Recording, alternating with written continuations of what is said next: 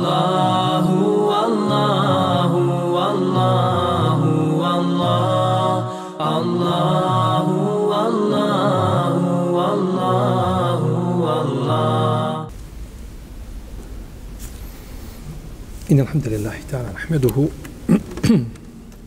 نستعينه ونستغفره ونستهديه ونعوذ به من شرور أنفسنا ومن سيئات أعمالنا من يهده الله تعالى فهو المهتد ومن يضلل فأولئك هم الخاسرون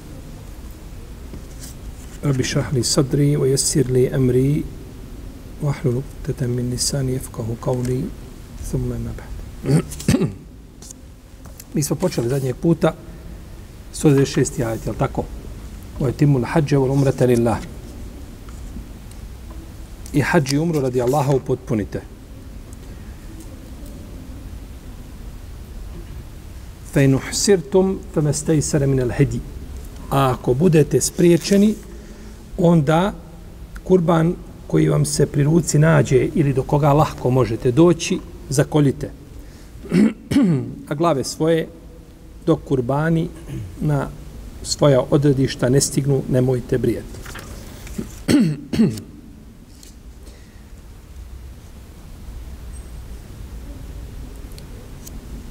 Ovdje smo došli do pitanja mikata. Zabilježili su hadijski autoriteti da je poslanik sa osaneme odredio stanovnicima Medine Zulhulejfu kao mikat. To su prostorni mikati. Prostorni mikati su znači mjesta na kojima se ulazi u obrede. Za razliku od vremenskih mikata, koji predstavljaju vremena u kojima je dozvoljeno ući obrede. Jer imamo određena vremena u kojima se ne može ući obrede hađa. Znači, moraju biti to mjeseci hađa,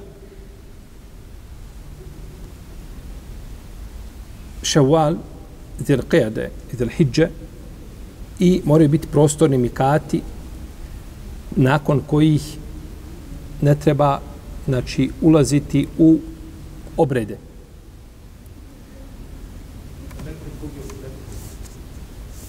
Zabilježili su Buharija i Muslim znači da je poslanik sa osrme odredio mikate ljudima koji dolaze iz različitih strana. Pa je odredio za stanovnike Medine Zulhulejfu, I ona je udaljena oko 410 km od Mekke. I to je najdelji mikat ujedno. Najudaljeniji mikat od Mekke. Za hađije koji dolaze iz pravca Šama odredio je Džuhfu. I ona je daleko 185 km od Mekke za stanovnike koji dolaze od ne, iz Neđda, to je taj istočni dio u odnosu na Meku, a, odredio je poslanik sa Osaleme Karnul Menazir. I to je najbliži Mikat. On je udaljen oko 75 km. I odredio je za stanovnike Jemena Jelemlem. On je udaljen oko 120 km od Mekke. Kaže poslanik sa hadisu, hunne le hunne, omen eta alejhinne min gajri ehrihinne, li men arade el hađe umra. Kaže, ovi stanovnici su za ove, ovi mikati su za ove stanovnike, ili za njihove stanovnike, i sve one koji prolaze tim putem, iako nisu od njihovih stanovnika, ako žele da obave hađ ili umru. Pa znači, Šamija došao, boravio u Jemenu kod tetke jedno vrijeme išao u posjetu, išao da sluša hadise, išao da stječe nauku i krenuo na hađ. On ne mora vraćati se na džohfu. Ići sjeverno pa se onda vraćati nazad ponovo južno. Nego je dovoljno znači da prođe ili da zaustavi se kod jelemlema jer on prolazi jer on prolazi znači on prolazi tim šta? On prolazi tim putem. Pa prolazeći tim putem dovoljno je da nije ti šta? Hadž ili umru na mjestu gdje je znači predviđeno da se uđe u obrede. Ti mikati pripadaju znači tim stanovnicima i svima onima koji prolaze tim putem bez obzira da li stanovali u tim mjestima ili ne.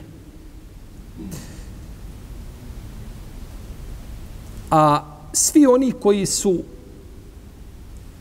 između Mikata i Meke nijete iz svojih kuća. Pa i Mekije čak nijete iz svoje kuće. Nijete iz svoje kuće. I ljudi koji obavljaju temetu, isto tako nijete iz mjesta gdje su odcijeli. Nakon obavljene, nakon obavljene umre. I nema razilaženja među islamskim učinjacima u vezi s ovim mikatima. Oni su precizirani jasnim hadisom, koji je došao u nevjerostojnim hadijskim zbirkama i kroz generacije, to je znači, je tako, prenošeno s koljena na koljeno, tako da su ljudi, znači, ovi, ove mikate definisali, odnosno definisali poslanik, ali na tim mjestima su napravljeni, znači, eh, ovaj, eh, objekti određeni sa džamijama i, i jeli, popratnim tim ovaj, eh, jeli, objektima ili pa prostorijama ko, u kojima se omogućuje tako da ljudi pripreme se za ulazke u, u obrede. Međutim, razilaze se u vezi s petim mikatom, a to je mikat koji je definisan za stanovnike a, Iraka ili sjevero-istočnog dijela u odnosu na Meku. Taj sjevero-istočni dio u odnosu na Meku, ljudi koji dolaze s te strane, gdje će nijetiti? Oni se ne razilaze po pitanju gdje će se nijetiti. To je zato irk, bez razilaženja. Međutim, razilaze se ko je definisao taj mikat. Je li to uradio poslanik, sallallahu sallam, ili je to uradio Omer, radijallahu ta'ala, anhu.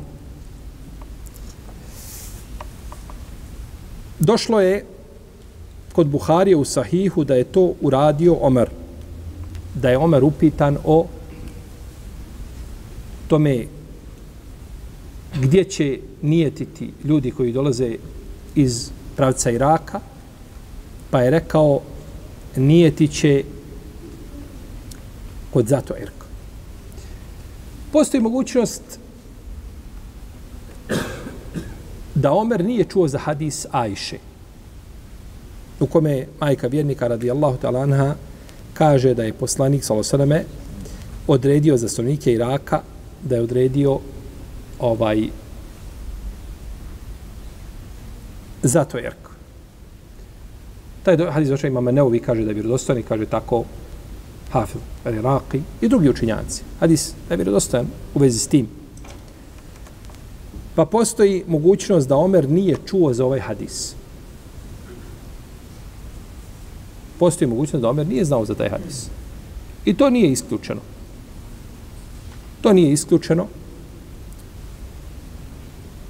da ashabi ponekad nisu čuli za neke od osnovnih hadisa. Jer nisu svi bili u vrijeme poslanika, sa osaname tu, da tako nisu bili tu, nisu bili ovaj kada je, a, kada je poslanik izgovarao te hadise, a nakon toga zapamtio je ko je zapamtio, pa su onda ashabi međusobno prenosili, tako da nijedan ashab nema sunnet zasebno pri sebi kompletan, nego ima generacija ashaba kao kao kolektiv ili kao generacija, jedno, kao jedno pokoljenje. A nije ni čudno da je Omer pogodio, jer Omer radijallahu ta'ala je u dosta slučajeva je objava došla, bar se tako prenosi, neki su potvrđeni, a brojni ti slučajevi nisu potvrđeni. Imam Sujuti, spominjete u svojem dijelu Hulefa u Rašidin. E, e, to je dijelo prevedeno na naš jezik, je li tako? Imama Sujuti, je li nije? Ne sjećate se. Ja koliko znam da je prevedeno. A možda griješim. Možda to neko provjeri za naredni put. Dijelo pravedni vladari. Od imama Sujutije. Ja imam osjećaj da sam ga negdje vidio prevedena, uglavnom možda griješim, ali eto, ako nam neko može to provjeriti da li je prevedeno to dijelo, uglavnom on spominje tu, e, koliko sjećam, možda 15 ako ne i više od toga slučajeva gdje je objava, gdje je Omer gdje je objava potvrdila riječ Omerovi. Pa je Omer kazao ono što je poslanik, sa osvijem šta ranije već, ono što je ranije rekao. Tako da je u svakom slučaju, znači, ostaje da je zato Irk, da je to, znači, nikad za stanovnike Iraka. Kažu neki, ne, nije to, nije to mogao, to je Omer rekao nakon što je Irak oslobođen. Naravno, kad se kaže Irak, nemojte odmah uzmati ove granice geografske današnje, u redu. Ili kažemo Egipat, kad neko spominje, pa kaže otišao u Egipat, ne treba odmah kazati to je Egipat, jel tako, koji je u današnjim granicama.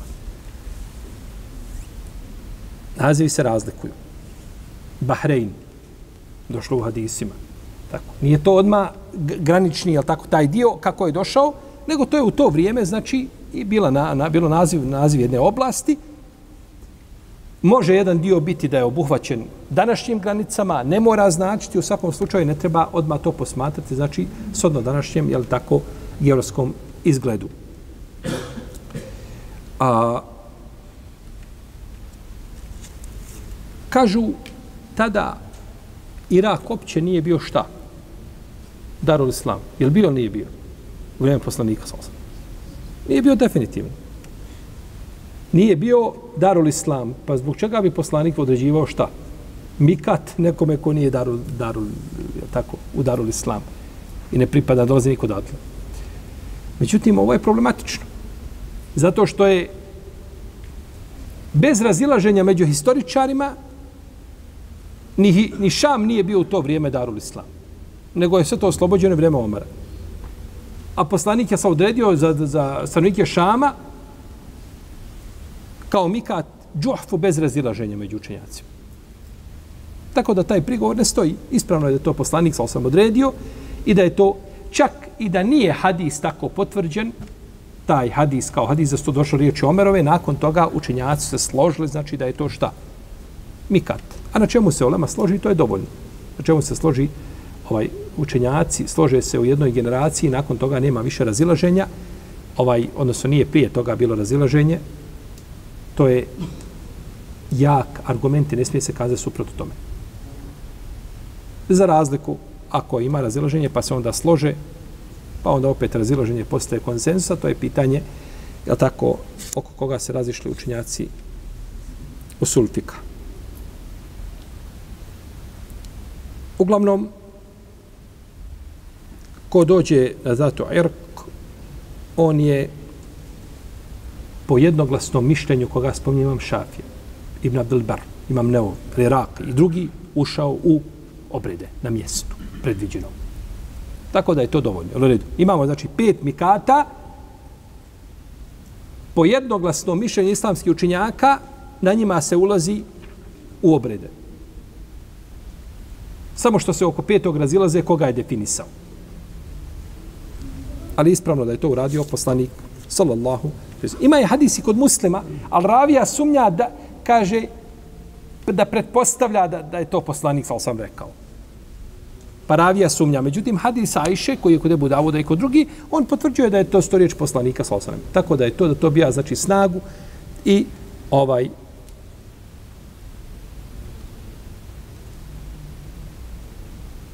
Može li konsensus učenjaka pojačati hadis? Imamo hadis koji je onako. Evo ovaj hadis konkretno. Da li je to rekao poslanik sa osanem ili nije? I ulema se složi da je to onako kako stoji u rivajetu. To ne može pojačati hadis. Riječi ashaba ne mogu pojačati hadis. Kur'an ne može pojačati hadis. Ne možeš kazati ovako je došlo u Kur'anu i to značenje odgovara čemu? hadisu, hadis može proći. Ne može. Hadis samo može pojačati hadis. Ne može ga pojačavati riječi ni učinjaka, ni ne može pojačavati. Ajet, ako na nešto ukazuje, da ajet ukazuje na to i to, međutim, ajet ne može pojačati šta?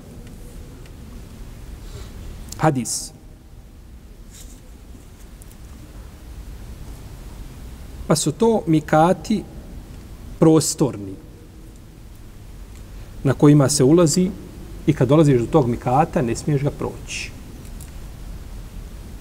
Ne smiješ proći, znači mikat. ko želi hađ ili umru, mora na to mjesto stupiti u obrede. Ne smije proći to mjesto bez čega? Bez nijeta. Bez nijeta za obrede. Ne smije proći, proći to mjesto. A svi oni koji nisu, koji prolaze nekakvim sporednim putevima, ili između mikata, kada se nađu u ravnini, znači sa tim mikatom, tu ulaze u obrede. To nije, znači, definisano za svaki put, ali, znači, na osnovu toga se može procijeniti, ali tako, gdje će stupiti obred. Ako čovjek pak prođe mikat i nije ušao u obrede, vidi on gužva, gužva, puno naroda, njemu nešto on ne voli on gužvu, I on prođe i ode. Dalje. On će stati na jednoj benzinskoj gdje nema nikoga i tamo će Duže se vrati nazad. Mora se vratiti nazad na mikat. I nijetiti na mikatu ulazak u obrede, paziti na ihramske zabrane, znači skinuti odjeću, obući dva bijela platna, i nakon toga stupiti u obrede na tom mjestu, ide dalje i nema, ne zaslužuje nikakvu sankciju.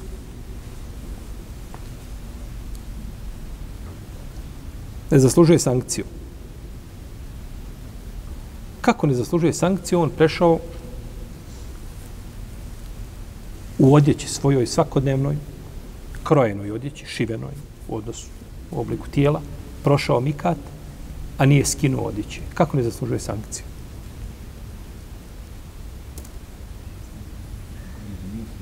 Šta? Nije, no, nije zanijetio. On nije zanijetio. Jer je ihram braćo ulazak u, nije, u obrede. Gdje god se spominje u knjigama sunnetu i u fiku ihram, ahreme, juhrimu, juhrimu, min keza vo keza. Znajte da je to cilja se nijet. Ali su danas ljudi nazvali ihram, ihram nazvali dva bijela plata. I onda se tako razumijevaju tekstovi uh, iz sunneta i riječi učenjaka i napravi se haos. To nikad niko nije nazvao bijelo platno i. Knjigama Fikha, ta knjiga Fikha nije nikada napisana u kojoj je bijelo platno nazvano ihram. Ihram je ulazak u obrede, nije srcem da uđeš u obrede. To je. A bijelo platno to je nešto posebno. To je platno a nije ihram. Međutim, danas su ga ljudi nazvali ihram. Pa dok vidi čovjeka da ima dva, na sebi dva bijela ihrama, misli da je odmah šta? Ti iz dva bijela ihrama možeš imati, imaš kapu na glavi. I još se mirišeš. Nisi ušao u obrede oblačenjem bijelih dva bijela platna. I hrama, što mi kažem. Nego se ušao u obrede, nije tom se ulazi u obrede. Pa ovaj čovjek kad bi se vratio nazad, gdje na mikat i ušao za nijeti obrede i krenuo, on je tek tada, e tada ako bi krenuo, znači a ima na sebi nešto što je krojeno ili neće da skine i tako dalje, a zna propis, nije nezdalica po tom pitanju, e onda je to pitanje, znači pristup.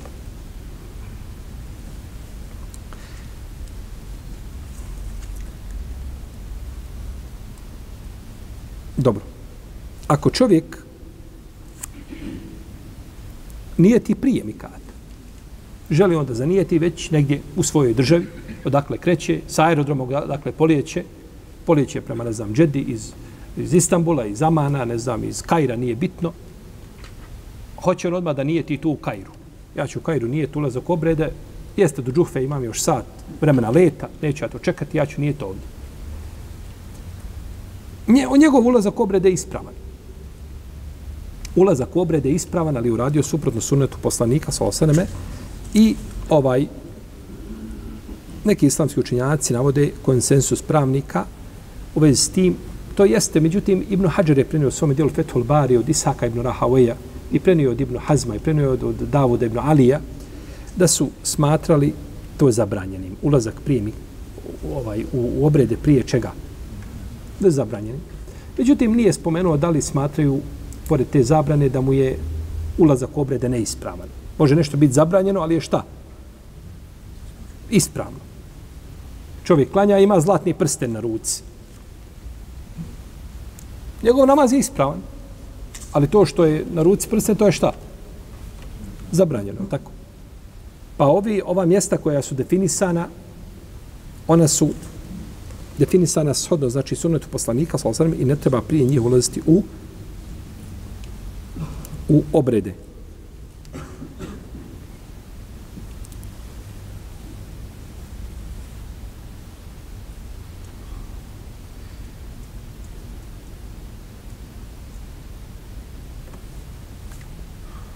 Pa ako čovjek, kazali smo, prođe mikat, a nije šta? Nije ti odužen da se vrati nazad na mikat i da tu zanijeti i nema, ne zaslužuje nikakvu jeli, sankciju kako kaže imam na Imrani su mi delili Bejani poznati šafijski učenjak tako kaže imam Ibn Kudama i Kasani i drugi učenjaci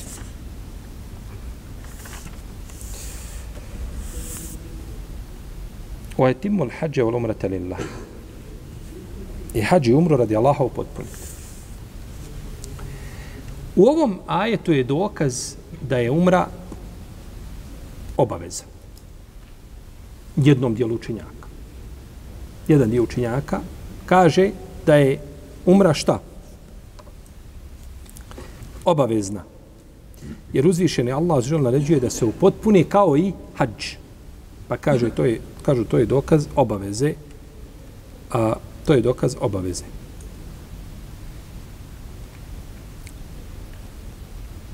Kaže Subej ibn Mabed, došao sam kod Omara radi Allah, ono i rekao mu, o vladaru pravovjerni, kaže, ja sam bio čovjek kršćanin.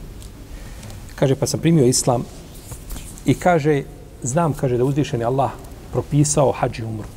Da je hađi umru učinio obaveznim. Meni. I ja sam, kaže, zanijetio hađi umru. Pa mu kaže Omar, kaže, upućen si ka sunnetu poslanika Muhameda sallallahu alaihi wa.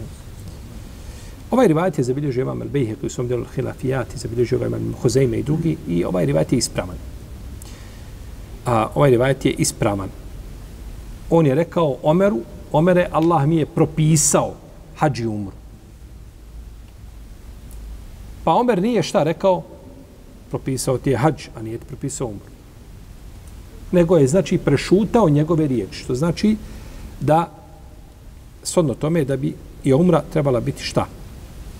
obavezna. I to je stav Ali Taliba i ibn Omara ibn Abbasa. I zabilježi imam da rekutni od Nafije ibn Omara da je govorio nije Allah stvorio ni jedno stvorenje da ga nije obavezao hađom i umrom. Ako može obaviti hađ i umru. A ko želi da učini više od toga, jeli, to je dobrovoljno. Međutim, ovaj hadis je daif. Ne hadis, nego rivajet od Ibn Omara. Rivajet od Ibn Omara, da je to Ibn Omar kazao je neispravan. Ima isto tako rivajet od Ibn Abbas da je rekao umra je vađib, kao što je i hađ vađib. Umra je vađib kao što je hađ. I taj hadis, i taj rivajet je daif, kako vam, zahebi. Od Ibn Abbas. Kao riječ koga? Ibn Abbas, radijallahu ta'ala, anhu. A, kazali su još od tabina Ata i Tawusi, Mujahid i Hasan, Ibn Sirin, Šabi, Sejid ibn Džubeir, Mesruk i drugi da je, i to je stavi mama Šafi, mama Ahmeda, da je umra vađa. Da je umra šta? Obavezna. Da je umra obavezna.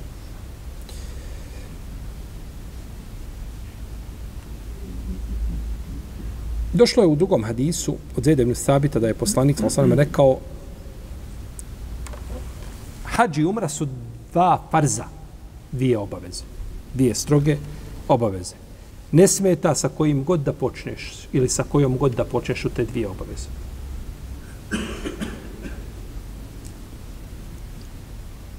I ovaj hadis je neispravan.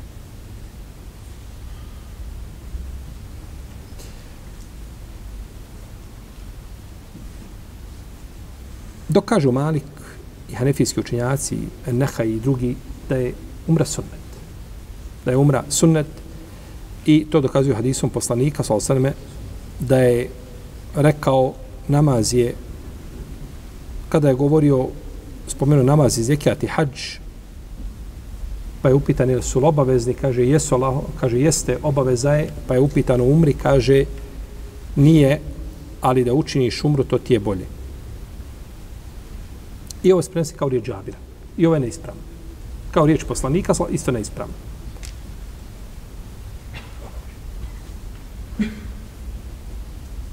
To je bolje. Ima hadis. U hadisu Džibrila, kada je poslanik sa govorio o imanu, ihsanu, islamu,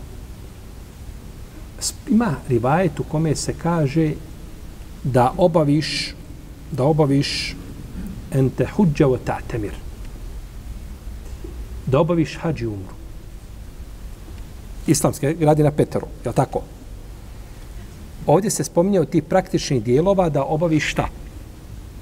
Hađi umru.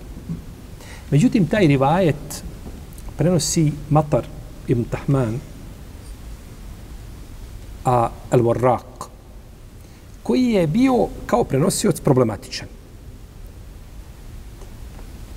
On bi mogao proći pod razno kao prenosioc. Međutim, kada se sam izdvoji, sa, nigdje se u rivajetu ne spominje uz hađ šta? Umra. Da obaviš hađ i umru. Nigdje se ne spominje umra. Spominje se samo šta? Hađ. I sada dođe jedan ravija koji je puno griješio u prenošenju kao matar, al warraq, i doda jednu riječ koja je jako bitna, koja mijenja šta? Propis. A matar ne može podnijeti da se izdvoji sa rivajetom koga ne prenose druge ravije. Tako da ovaj rivajet ne može proći. Ne može proći. I njega je muslim spomenuo u svome sahiju. ali ga nije spomenuo kao rivajet. Nego kaže, prenosi se od matara, tako i tako, u sličnom rivajetu. Pa ima muslim time ukazuje na šta? Da je došla jedna greškica u tom rivajetu. Ima muslim ne kaže da je hadis daif. Ha. Kad imamo muslima u sahiju, ima predanje ovaj da su sedmerica od koji će uzvišeni Allah svijesti u svoj hlad, kada neće biti drugog hlada, nego njegov kaže u ređulun enfeqa nefekaten hata la tedri jeminuhu ma enfekat šimaluhu. Kaže i čovjek koji je udjelio sedaku tako da ne zna njegova desnica šta je dala ljevica. A u stvari hadis je obratno. Hadis je da ne zna ljevica šta je dala desnica. Imam to muslim spomnio u sahiju, ne kaže da je hadis, hadis nije daif nego je došlo znači do jedne greške u tom rivajetu. Tako i ovdje. Kaže ima rivajet Matara i ukazuje na njega, to je, to je od preciznih prigovora imama muslima tom rivajetu. Pa ti ima muslim spomene sahih rivajete i onda ti ukaže nešto i šaretom šta? Šta je daif, je tako? Ili što nije potvrđeno, što on odgovara ispravnim rivajetima.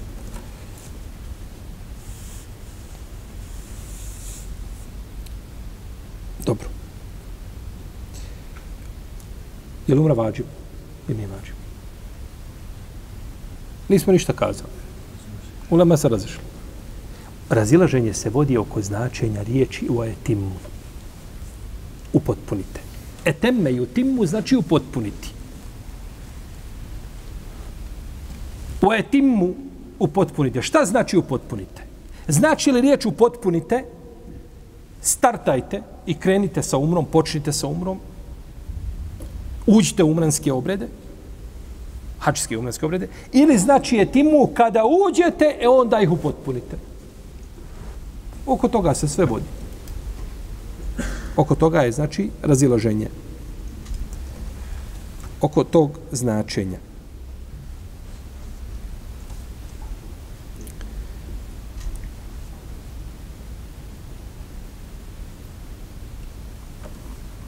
Pa vidimo da je ovdje dosta toga vezano znači za hadise. Jeste, ajeti nisu jasni u tom pogledu.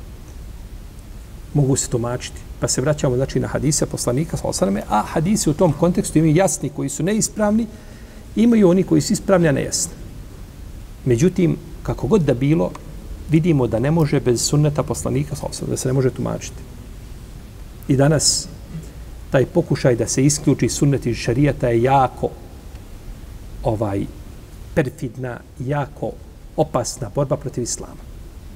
Kad isključite sunnet, isključili ste i Kur'an. To je završeno. Onda kuranska općenitost ostaje elastična da zlonamjernici tumače kako žele. Samo dok se isključili sunnet. I ta borba se vodi u islamskom svijetu, ne znam da je bila ikad veća što danas. Bila je nekad, pojavila se negdje gore oko Indije, počeli su, pa su nakon toga doveli se, pa kako ćemo klanjati, kako ćemo, kako ćemo obavljati ruku, kako izgleda ruku, kaže, to ostaje vladaru da procijeni. Vladar muslimana da procijeni kakav, kako to izgleda ruku, u ruku u, u, ovaj, u Egiptu, nije kao u ruku, ne znam, u Albaniji.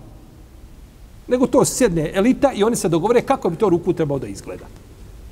Jer žele da isključe sunet poslanika sa osam. Kada je došao Jala ibn Umeije, kaže, uvijek sam volio, kod Buhari i kod muslima predanje, kaže, uvijek sam volio da vidim kako to izgleda kada poslaniku sal sam dolazi objava. Kaže, pa sam jedne prilike bio, dođem u pustinja, kaže, na njemu džube i namirisan. Pa je rekao lao poslaniče, kako to izgleda da čovjek uđe u obrede, kaže, kad ima na sebi džube i kada je namirisan. Kaže, pa mi je Omer, kaže, Jala, Ibn Umeje, kaže, pa mi je Omer pokazao rukom, dođi vamo, kaže. Kaže, pa sam otvorio, kaže, šator, tu gdje sam došao, kaže, je poslanik sjedio, kaže, pa sam ga vidio, kaže, da je sav pocrvenio i kaže, čuje se glas kao da hrče. Dolazi objava. Pa je rekao nakon toga, gdje je ovaj, kaže, što me je pitao u vezi sa umrom? Kaže, ja sam ovo poslaniče. Kaže, skini, kaže, džube i oper miris. I uđi obred. Pa je sunnet objava. To nema u Kur'anu. Ovaj događaj nije spomenut u Kur'anu, je li tako? I kaže, treba da odgovori, ne zna poslanik se odgovoriti, nego dolazi objava. Kaže Omer, evo jala, gledaj kako izgleda poslanik kad mu dolazi objava. U hadisu kod muslima kaže poslanik sa osaname, Inna Allahe euha ilaje en tevadao. Kaže, Allah mi je objavio, Allah mi je objavom dostavio, vahijom, kaže da budete ponizni. To nema u Kur'anu. Nego u sunnetu. Allah mi je objavio. Pa sunnet je objava. Ko poriče sunnet, on poriče objavu.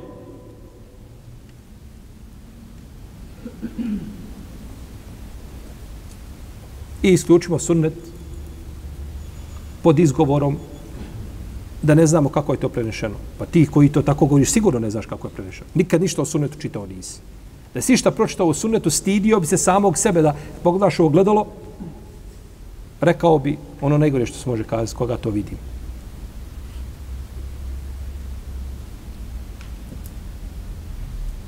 Iz toga prvi znak čovjeka kome nešto kaže, kaže to nije spomenuto u Kur'anu, taj je već za dženaze. Dok kaže to nije spomenuto u Kur'anu, taj je za dženaze. Šta ako nije spomenuto u Kur'anu? Šta je, šta je problem ako nije spomenuto u Kur'anu? Kur'anu nije dosta toga spomenuto. A mnogo toga je spomenuto općenito.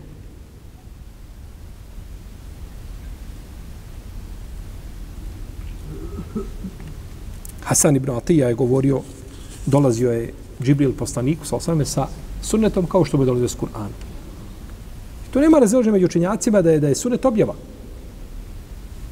U protivnom, sve što je poslanik sal definisao, definisao od sebe.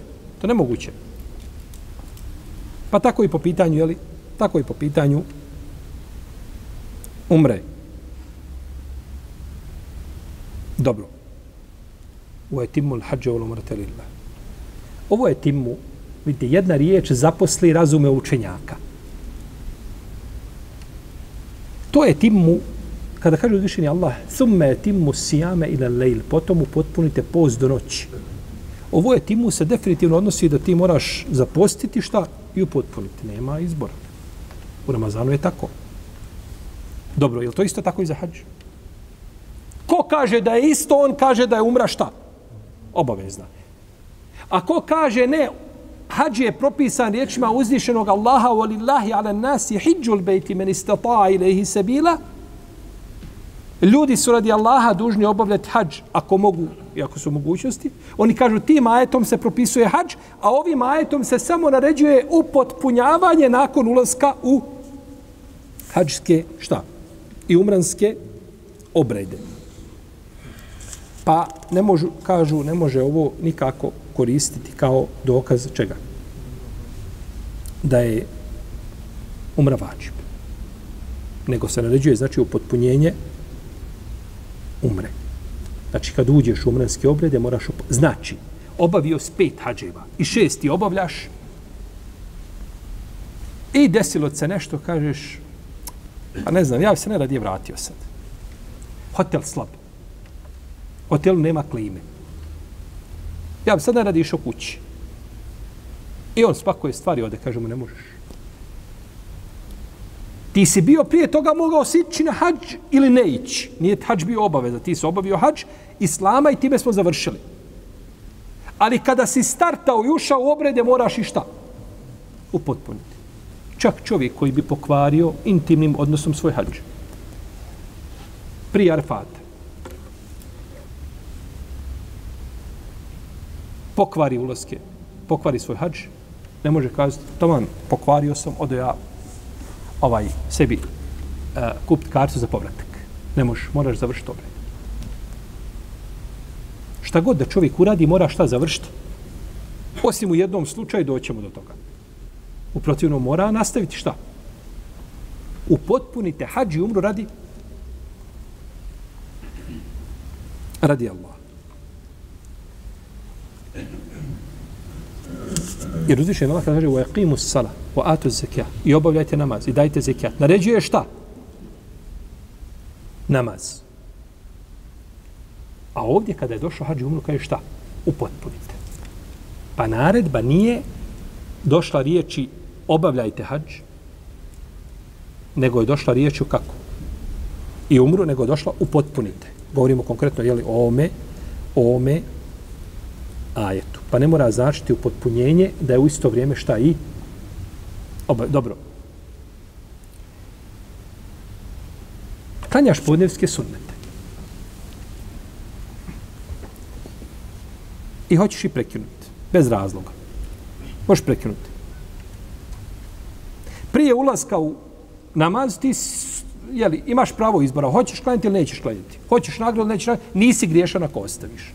Međutim, kada uđeš, nijetiš sunnete podnevske i ušao si u namaz, možeš li izaći iz namaza bez ikakvog razloga? Bez širijetske opravdanog razloga? Sa širijetske opravdanog razloga, o, o, opravdanog razloga možeš izaći. Možeš li bez razloga da izaći da prekineš? A, to je pitanje oko koga su učinjaci razilaze.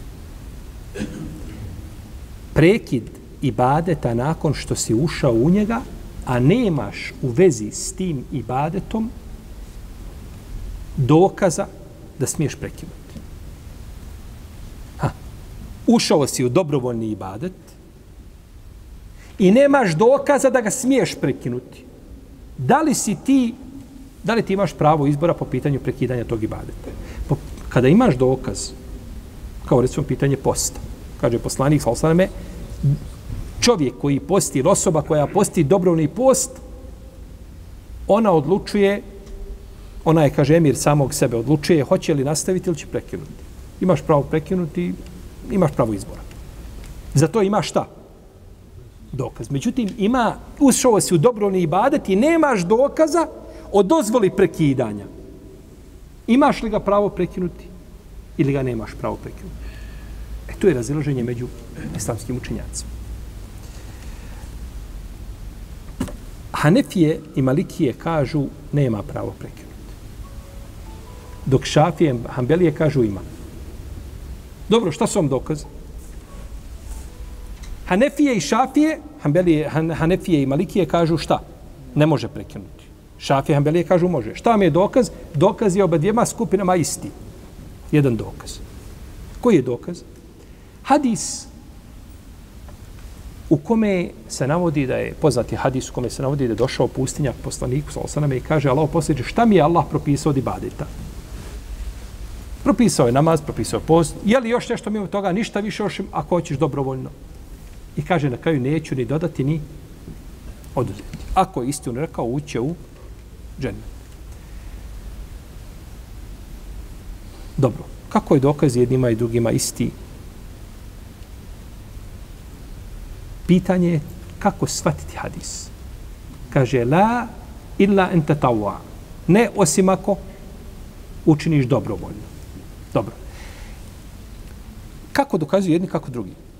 Ako mi pročitamo hadis i kažemo la, ne, nisi dužan. Tačka. Osim ako želiš dobrovoljno, a, pa odvojimo ovo osim, taj izuzetak, odvojimo od čega? Od negacije. Pravimo novu rečenicu. Ne. Osim ako, u tom slučaju, to bi bio dokaz šafijama i hambelijama da imaš pravo.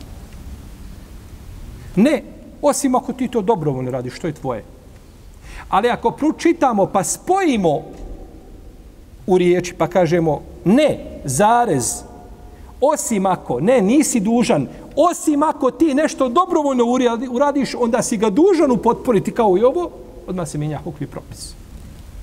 Samo znači tačka i zarez, ništa drugo. Tačka i zarez te napravi havariju. Tako, šta ja, kako sada ja shvatim i razumijem taj hadis i kako da mu priđem. Pa koji su ga razumjeli s tačkom, kažu, može prekinuti. Koji sa zarazom, kažu, ne, mogu, ne može prekinuti. A dokaz im je, znači, jedan, odnosno ono ovaj izuzetak, ne osim ako dobrovoljno, je li on povezan s prethodnim riječima ili on odvojen? Ili je odvojen?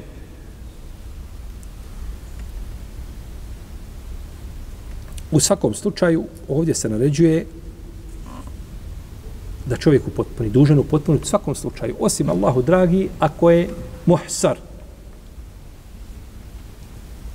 ako je spriječen. Spriječen čovjek ne može upotpuniti, je tako?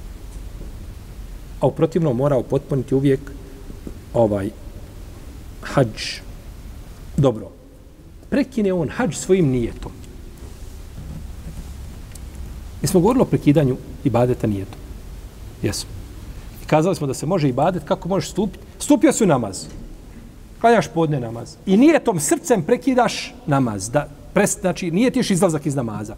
Moraš ponoviti namaz bez razilaženja među nama. Taj namaz više nije valid. Na hađu čovjek nije ti nijetom. To isto mora završiti hađ. I mi smo nekad davno, ako se sjećate, možda prije jedno dvije godine, govorili o jednom pitanju ovdje. Spominjali ga.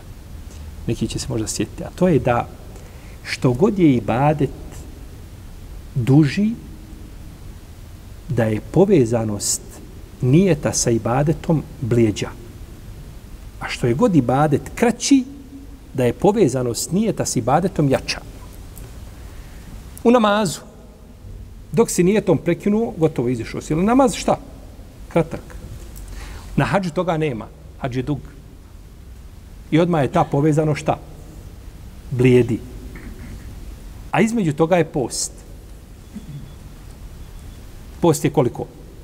Od zore do zalaska sunca. Da li post ima hukm namaza ili ima hukm hađa? Čemu je bliži? Tu je razilaženje među levom. Oni koji iskazali da je bliži namazu, kažu izlazi se. Oni koji kažu bližu da je hađu, kažu da se ne izlazi. Pa je taj utjecaj, znači nije ta u ovom slučaju slab kada je riječ o kada je riječ o hađu i ne može s hađem tako izaći. Nego mora upotpuniti kako god da bilo upotpuni pa prekinuo je, jel prekinuo je, jel pokvario svoj hađ sa spolnim odnosom. Definitivno. Ali mora nastaviti šta? mora nastaviti hađ. Naravno, hađ nije valid. Jel li I onaj što je ošao kod gatara, 40 dana mu se ne prima namaz, ali mora klanjati. On zna već sa žamijskih vrata da mu je namaz, da mu nije primljen. Prije što je zanijeti, on zna da, da mu taj namaz nije, ali mora šta? Tako isto onaj koji pije opojna pića, tako. Taman ga neko savjetuje da to bile, bilo par čašica radi zdravlja. A u, u šaru ne može, u majici zla ne može biti zdravlja nikako. Može samo bolest biti, samo se može čovjek razboljeti. Taman da to svi ljekari tvrdili na zemlji, kako to koristi, to ne može koristiti nikako. Jer Allah nije učinio korist onome čemu je učinio, jeli, što je zabranio ljudima. Jer sve što je korisno ljudima, to je dozvolio. Je li tako? Je li Allah dozvolio sve u čemu je korist ljudima? Allah je dozvolio, braćo, sve u čemu je sušta i puka korist ljudima. Jes elune kanil hamri ul mejsir, kul fihima ismun kebir o menafiju lin nas. Pitaju te o vinu i o kocki, o alkoholu te pitaju o opojnim pićima, pićima i o kocki. Šta kaže? U njima je veliki grije i neka korist za ljude. U onome ko prodaje korist. Svaki dan, svaki dan posprat digne. A ovi što razume svoje truju i prave se neredi u porodici i u društvu i na ulici, pa je grijeh i šteta puno veći od... Pa je Allah dozvolio ono u čemu je... Nađite mi jednu stvar da je u islamu zabranjena, a u njoj je puka korist, nema štete. Izazov dunjaluku čovječanstvu. Nema toga ništa. Kao što uzvišen Allah nije dozvolio ono u čemu je puka šteta. U čemu nema nikakve koriste. Tako nije, i tako ono što je zabranio, mora u tome biti, šteta se mora vraćati. Znači, u kamati ima li korist za određene ljude? Definitivno. Rijetko kad vidi da se banka zatvorila, tako da je propala. Iako je propala, to su nekakve malverazacije, političke nekakve igre, nešto među njima nije.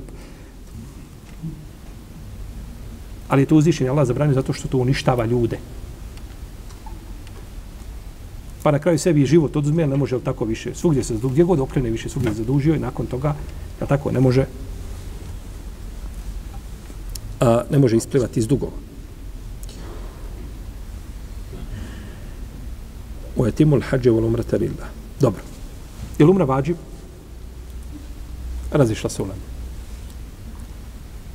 Ima drugi kirajet, kada je u pitanju ovaj ajet, koji kaže, koji je isto mutevatir, gdje se kaže, gdje se čitanje biva, وَاَتِمُّ الْحَجَّ حَجْ الْحَجَّ sa fethom, wal umrete, tako bi trebalo, tako je po kirajetu u kome govorimo, ali ima drugi kirajet u kome se kaže ovo je timul hađe wal umretu lillah. Mjesto fethe biva dama. I odma je značenje drugačije. Vokal odma mijenja značenje. I to za 180 stepeni. Jedan vokal. Upotpunite hađ a umra je Allahu. Pa bi li onda ovdje umra bila sunnet ili, ili fard? Sunnet. I za one koji razumijevaju. Pa bi ovo, ovaj kirajet bi išao u prilog učenjacima koji kažu da je umra šta? A to su Malikije i Hanefije. To su Malikije i Hanefije koji kažu da je umra sunnet. Neki to čak pripisuje većini da je većina kazala da je to sunnet, da umra sunnet. Wa yatimmu al-hajj wal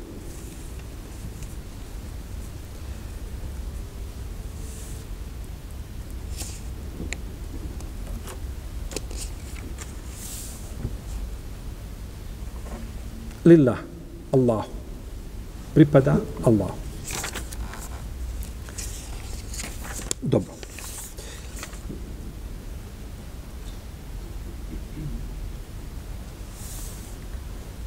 Zašto Allah? Zašto je spomenuto Allahu? Ne ulazeći sad znači u same kirajete, kako je u potpunosti hađi umru radi Allah. Zato što su Arapi u davna vremena kada bi dolazili na umru, hađ, dolazili bi s ciljem hvalisanja, ciljem da se vide, da se okupe, da se dogovore na kakvi dogovori, trgovina. Ne bi to bilo radi Allaha.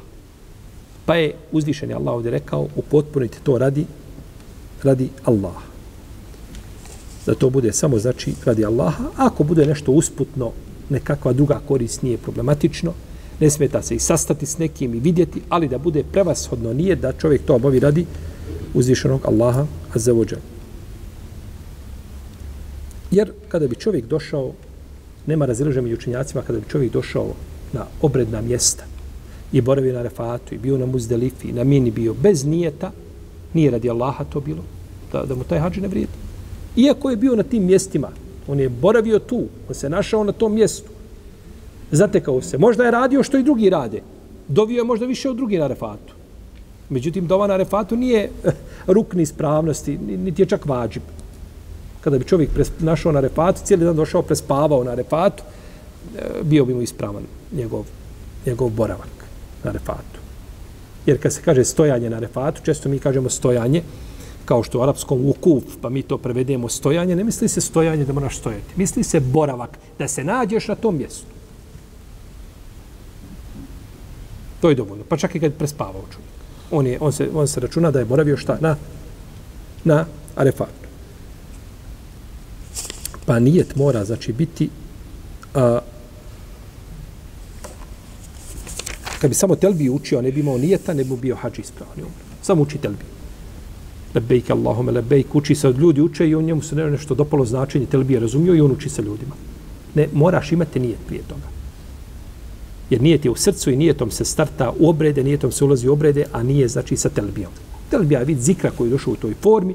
Telbio čovjek kada bi nikako učio njegov hađ bi umre bili ispravni, ali ne može osloniti samo na telbiju, nego mora, znači prije to, e zato to je lillah, Allah. To je taj ihlas koji mora biti srca da obavlja obrede radi koga? Radi stvoritelja Tebarake o Teala, Bog riječi uzvišenog Allaha, innemel e'malu bin nijet.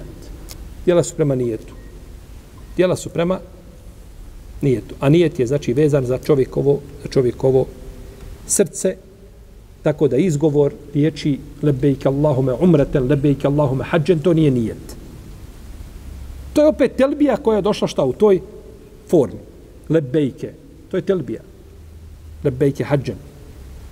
To je sunne da se tako kaže. Ali nije to. Neki kažu, na hađu, je, na hađu se, samo se nijet na hađu izgovara na glas. Nije tako. Allah te poživio, nije ni na hađu. Nije se u svim ibadetima izgovora, to lebejke Allahume hađan, kad ne bi nikako kazao, tvoj hađu je ispravan ako si ga nijetio srcem. Samo se ostavio jedan sunnet koga niste treba ostavljati. A to nije nijet. To nije nijet.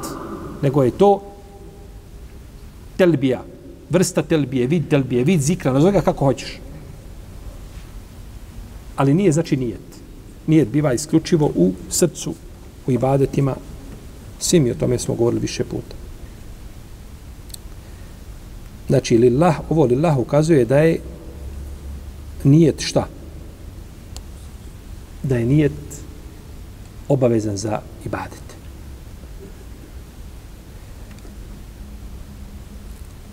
Kaže Šihlu sami mu u svome dijelu mi salikin, ako bi čovjek nijetio i, i starta s nijetom, kada počinje s nijetom ima još nekakav cilj to je imame Šaltibi, to naziva je tešrik.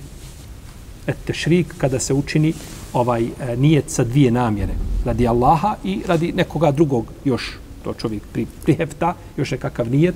Kaže to mu kvari njegovo djelo. Osim ako ima izuzetci poput da je tim nijetom ciljana a, ta šerijatska, kako možemo kazati, želja ili taj cilj koji želi ostvariti. Poput toga da čovjek klanja dva rekiata podne ili dva rekata tijetul mesečida, ali želi drugima pokazati koji sjede i gledaju, a zna da će gledati u njega kako se ispravno klanja. Taj nijet nije suprotan ciljevima čega? Šerijata.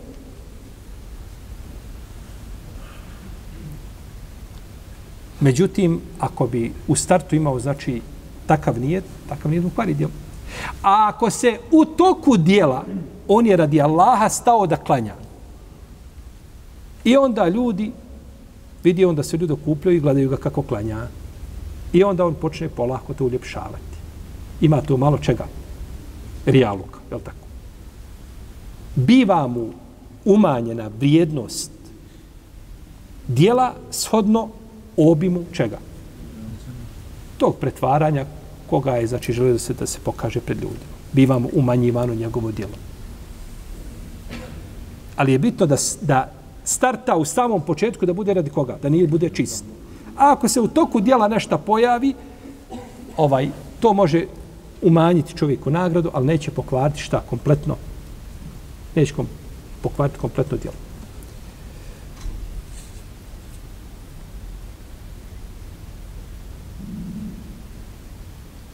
Dobro. Ovdje je u etimu l-hađe umrete lillah. Ova riječ lillah hađi umru radi Allaha. Ukazuje li, ide li u prilog učinjacima koji kažu da je umra obavezna ili oni koji kažu da je sunnet? Kome ide u prilog? Obavez. A koji kažu da je obavez. Njima. Znači, to je svaka skupina pokušava iskoristiti svaki dokaz da dokaže šta? Svoje mišljenje. Tako. Da dokaže svoje mišljenje. Naravno, razilaženje je veliko među učinjacima, Mi smo govorili tamo u knjizi o hađu i umri. Navodili smo argumente jedne i druge skupine, znači po pitanju umre, propisa umre. Pa možete tamo pogledati. Ali ostaje uvijek pitanje u krugu a, u kome se razišao ehlu sunat wal džamat i ko može da ostane u tom krugu, znači da a, da odabere jedno od dva mišljenja, to je dužnost. Nema trećeg mišljenja. E, obaveza je, nije obaveza. Znači, ja je jedno, ja je, ja je drugo. Iako imamo mišljenje, imamo mišljenje treće, ali nije treće, ona se veže za drugo. To je mišljenje mama Malika, koji kaže, umra je sunnet, kaže, nikome ne dajem, kaže, olakšice da je ostavi. I to zgovorili ste po pitanju kurbana neki učenjaci. Kažu, kurban je sunnet, jer džumhur uleme kažu da je kurban sunnet, jel u redu. I ovaj, ma, kod Abdurazaka ima predaja da su Ebu Bekri i Omar ponekad ostavljali klanje kurbana da ljudi ne bi pomislili da je to da je to vađib. Vjerodostojan, dostojan dostojno predanje koje ukazuje vallahu alem da kurban nije vađib. Govorimo o kurbanu o našem, ne o hediju hađskom, to je nešto drugo. Ali kažu sunnet kome ne dajemo, ne dajemo nikome olakšice da to šta? Šta znači to? To je, kad neki učinjaci kažu, to je a, a, sunnet koji liči vađibu. To su stvari kada se prevelo, to su najveći oblici čega? Sunneta. Znači, ako kažemo da je umra sunnet, to je najveći oblik sunneta koji postoji. I ne treba se nikako, dok možeš ispuniti, s tim se ne treba šta? Poigravati. I zato čovjek koji ide na hađ, to čini naše hađije i to je pohvalno lijepo, da obali odmah hađi umru. I ako tad obavi hađi umru, on je završio svoj. Ideš već, ne znaš hoće li biti prilike. Mi, mi smo podaleko, jel tako, svake godine su ti ta putovanja sve skuplja, sve zahtjevnija. Onda čovjek bi trebao znači da obavi hađi umru zajedno. Obavlja temetu i obavi hađi umru ili kiran kako mu volja, iako naš hađi obavlja temetu, a to je jednostavnije za ljude. I nakon toga je skinuo obavezu i hađa i i umre. Iako ima domara radijalom da je zabranjivao temeto ljudima. Jer kad ljudi obavljaju temeto, šta se dešava? Nema umre umeđu vremenu. Svi obavljate temeto, hađi umru obavili i onda do narednog hađa ostaje kjaba, ne obilazi niku kjabu. Pa nije Omer, a, što kažu neke šije, kada Omer zabranio temetua, on mislio na temetua ovaj za muta brak. On su to tako protumačili, razumijeli temetua, to isto je riječ.